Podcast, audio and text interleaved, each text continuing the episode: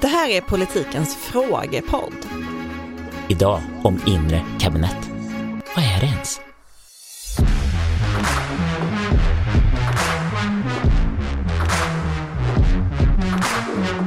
Tack herr talman. Alltså den nivån på frågor är ju bara för bedrövlig. Bedrövlig. Bedrövlig. Här kommer en poddfråga från en trogen lyssnare. Magdalena Andersson pratade i Ekots lördagsintervju om Tidöpartiernas ledare som det inre kabinettet. Som om det utgjorde någon slags exekutivkommitté i regeringskansliet. Men är inte detta lite gruppledartänk? I röran av statsråd, samarbetsprojektsgrupper och höga statssekreterare har dessa fyra någon egen självständig beslutanderätt eller beslutande funktion? Detta undrar Isak, som också vill tillägga att han inte är moderat politiker. Jättebra fråga Isak. En fråga till Torbjörn. Statssekreterare skrev inte Isak i frågan. Nej, han skrev höga ålsekreterare, men det tycker jag lite är förra veckans historia. Jag har ju då försökt titta lite på det här med inre kabinettet. Man minns ju under Fredrik Reinfeldts tid att det här var mytomspunnet. Det Mhm. inre kabinettet som sågs varje torsdag. Partiledarna och tror jag statsministerns statssekreterare som ju PM Nilsson faktiskt inte var, han var ju statssekreterare hos statsministern, men eh, alltså den högsta statssekreteraren var med på de mötena också. Men eh, Isaks fråga här är lite mer eh, konstitutionell, känner man. Och eh, Bertil Fiskesjö känner ungefär som Isak. Alltså centerpartisten, du menar den gamle Bertil Fiskesjö, den som var centerpartisten, centerparti... Som, Ikonen som gör att Torbjörn knappt får ut ord för att han blir så till sig. som var Centerpartiets to-go-to-person så fort det handlade om konstitutionella frågor. Sossarna, det var ingen svårighet eh, att övertyga dem. Jag är ju också republikan naturligtvis. Han har varit involverad i typ allting. Eh, Grundlagen, ja ni vet, ja hur mycket För som det helst. var så här nämligen, det första inre kabinettet i regeringskansliet, det kom till 1990, det var Ingvar Carlsson som inrättade det. Aha. socialdemokratisk statsminister vid denna tid. Inre kabinettet var då en grupp bestående av sju statsråd som Karlsson hade pekat ut som särskilt viktiga i en, eh, han, han omorganiserade hela regeringskansliet och bildade olika statsrådsgrupper, tre olika. Och då skapade han också det här inre kabinettet. Och skulle det ses som liksom superregeringen?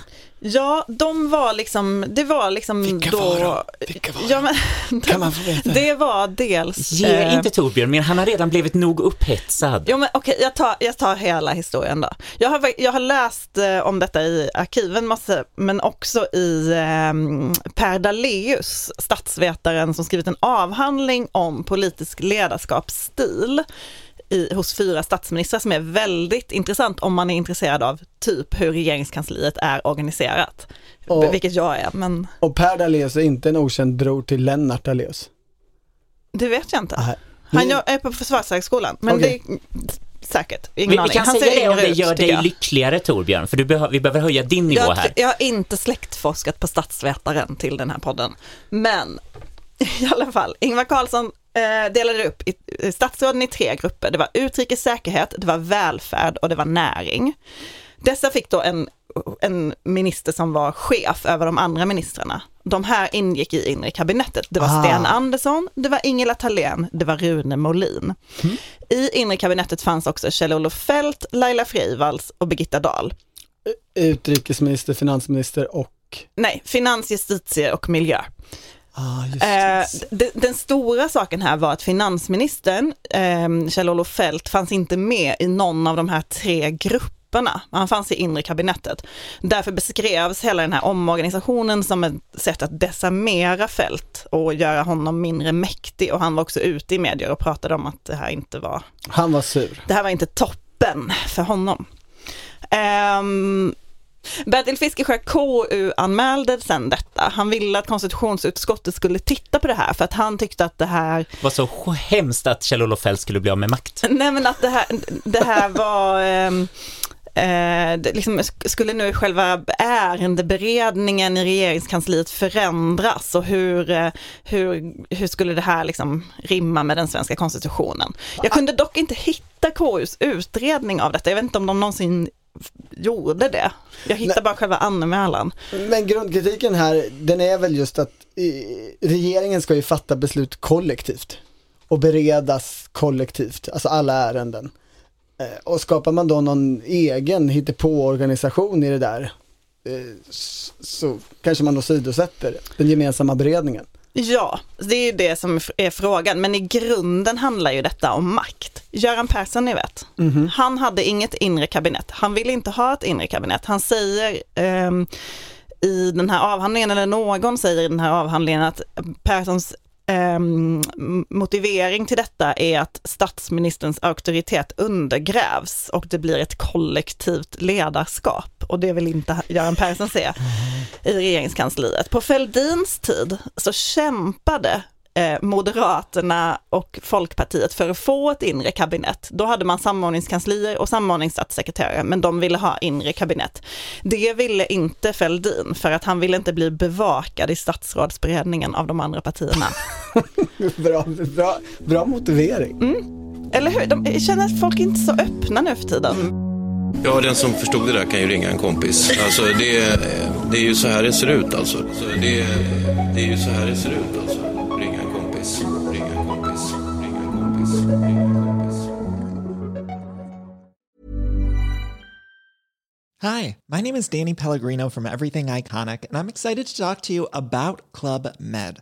Club Med operates beach and mountain resorts and is the best all inclusive getaway for families. They have Club Med Punta Cana, their flagship family resort, and many other options in Mexico, the Caribbean, and around the world. Club Med are the pioneers of the all inclusive concept, which is the best way to vacation. Great for families, groups, or even solo travelers looking for land and water sports, delicious food, and a place to make unforgettable memories. Visit clubmed.us, call 1 800 Club Med, or your travel advisor.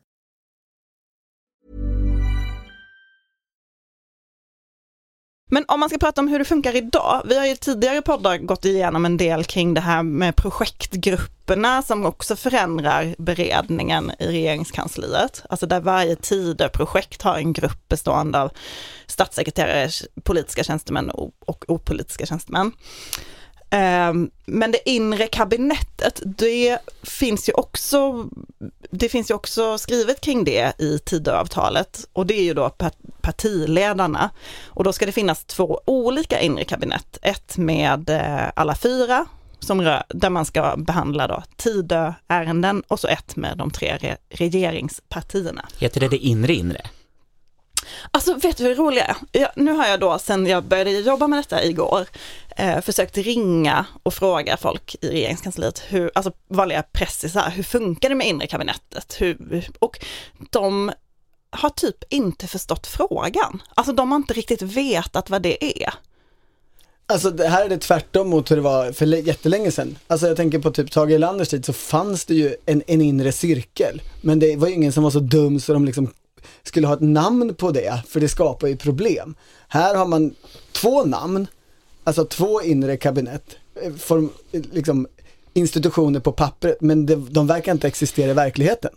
Ja men det roliga är ju att Magdalena Andersson pratar om det här inre kabinettet och jag har sett, jag såg i riksdagsprotokollen att det ibland liksom anförs att ja men eh, Jimmy Åkesson, du sitter ju i det inre kabinettet. Jag vill börja med att gratulera Jimmie Åkesson. Sverigedemokraterna har ju ett avgörande inflytande över svensk politik när eh, Jimmie Åkesson tar plats i regeringens inre kabinett. Och det gör han ju, det, det, det finns. Fyrpart- Men, men enligt dem jag nu har, har lyckats prata med om detta, som till slut har förstått vad det är frågan gäller, de säger att det har varit lite problem med det här inre kabinettet. Tanken har varit att eh, de tre partierna ska träffas varje vecka och de fyra partierna ska träffas varannan vecka. Men under EU-ordförandeskapet så har de ju behövt resa så himla mycket, eh, statsråden, Så att då har man inte riktigt kunnat få till en tidpunkt, ett veckomöte.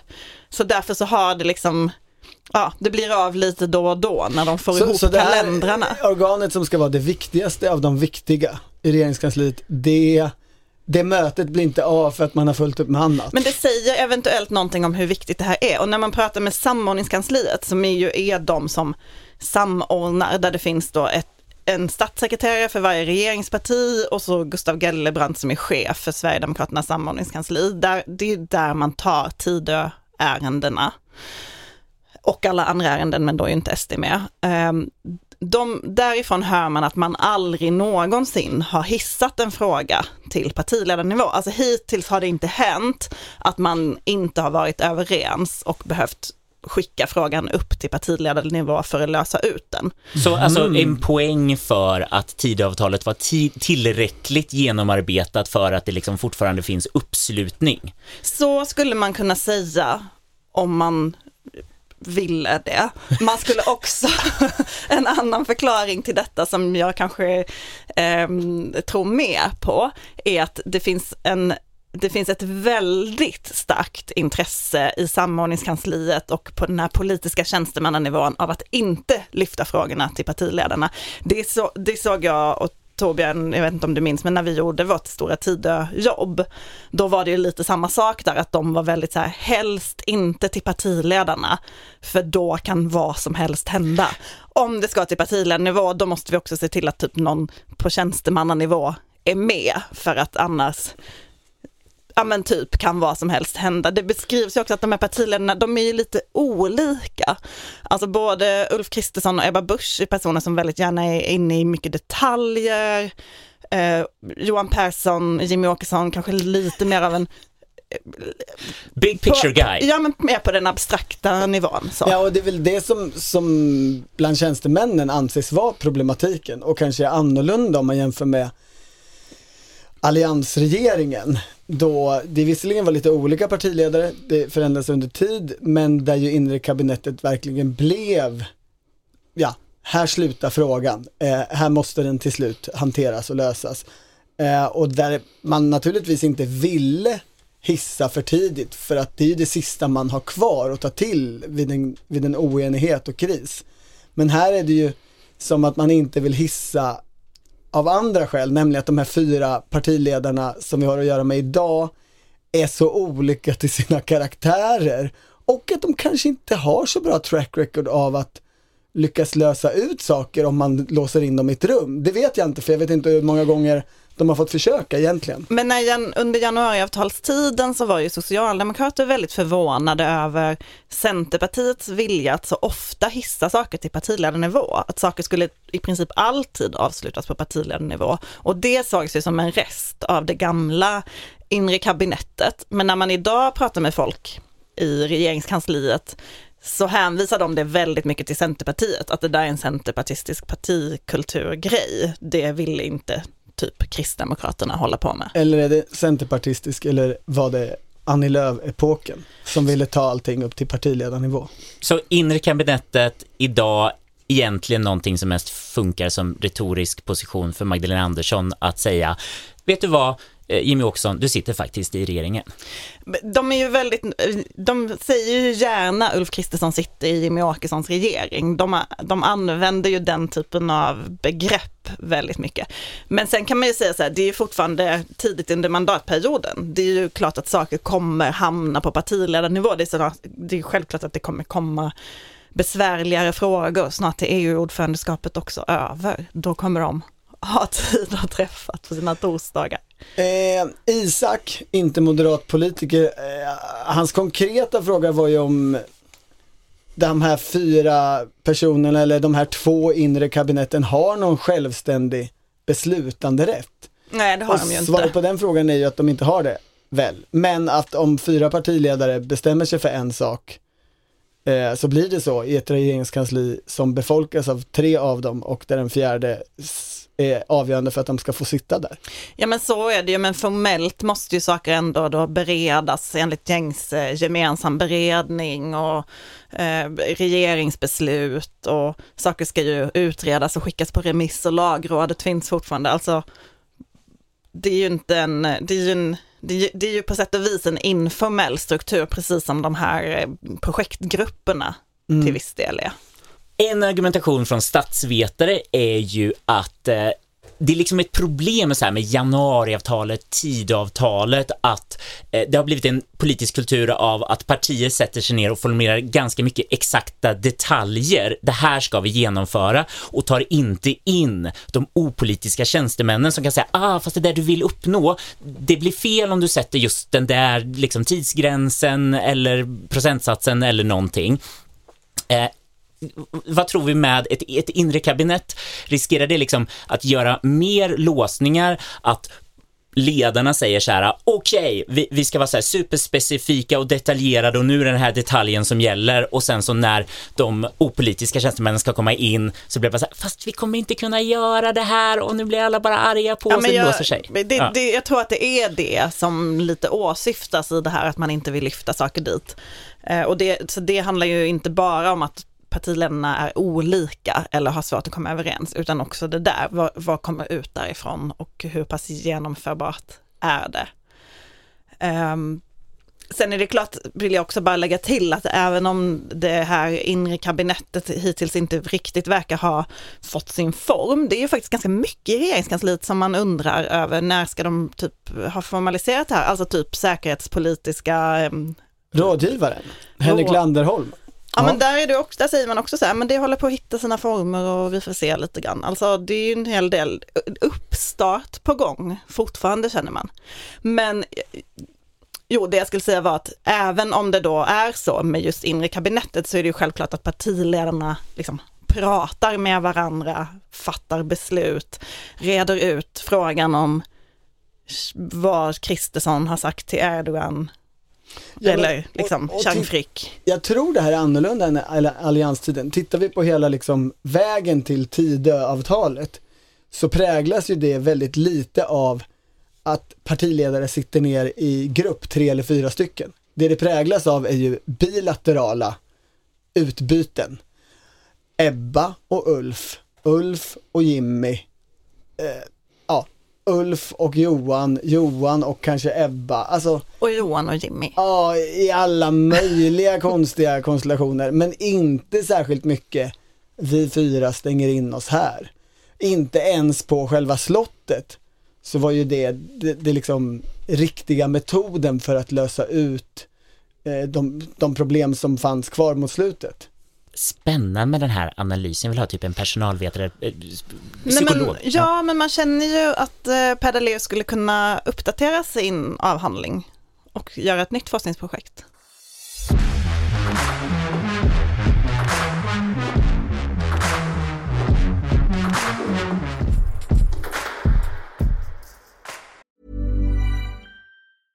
Hi, my name is Danny Pellegrino from Everything Iconic, and I'm excited to talk to you about Club Med. Club Med operates beach and mountain resorts and is the best all inclusive getaway for families. They have Club Med Punta Cana, their flagship family resort, and many other options in Mexico, the Caribbean, and around the world.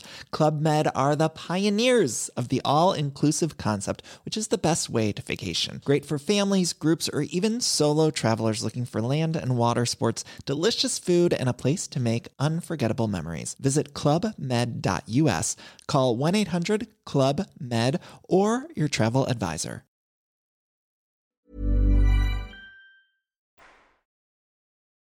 Du har lyssnat på Politiken, en podd från Svenska Dagbladet. Producent Mattias Dellert och ansvarig utgivare Anna Karleborg. Klippen i programmet kom från Sveriges Radio. Tired of ads barging into your favorite news podcasts? Good news. Ad-free listening is available on Amazon Music for all the music plus top podcasts included with your Prime membership. Stay up to date on everything newsworthy by downloading the Amazon Music app for free or go to amazon.com slash news ad free. That's amazon.com slash news ad free to catch up on the latest episodes without the ads.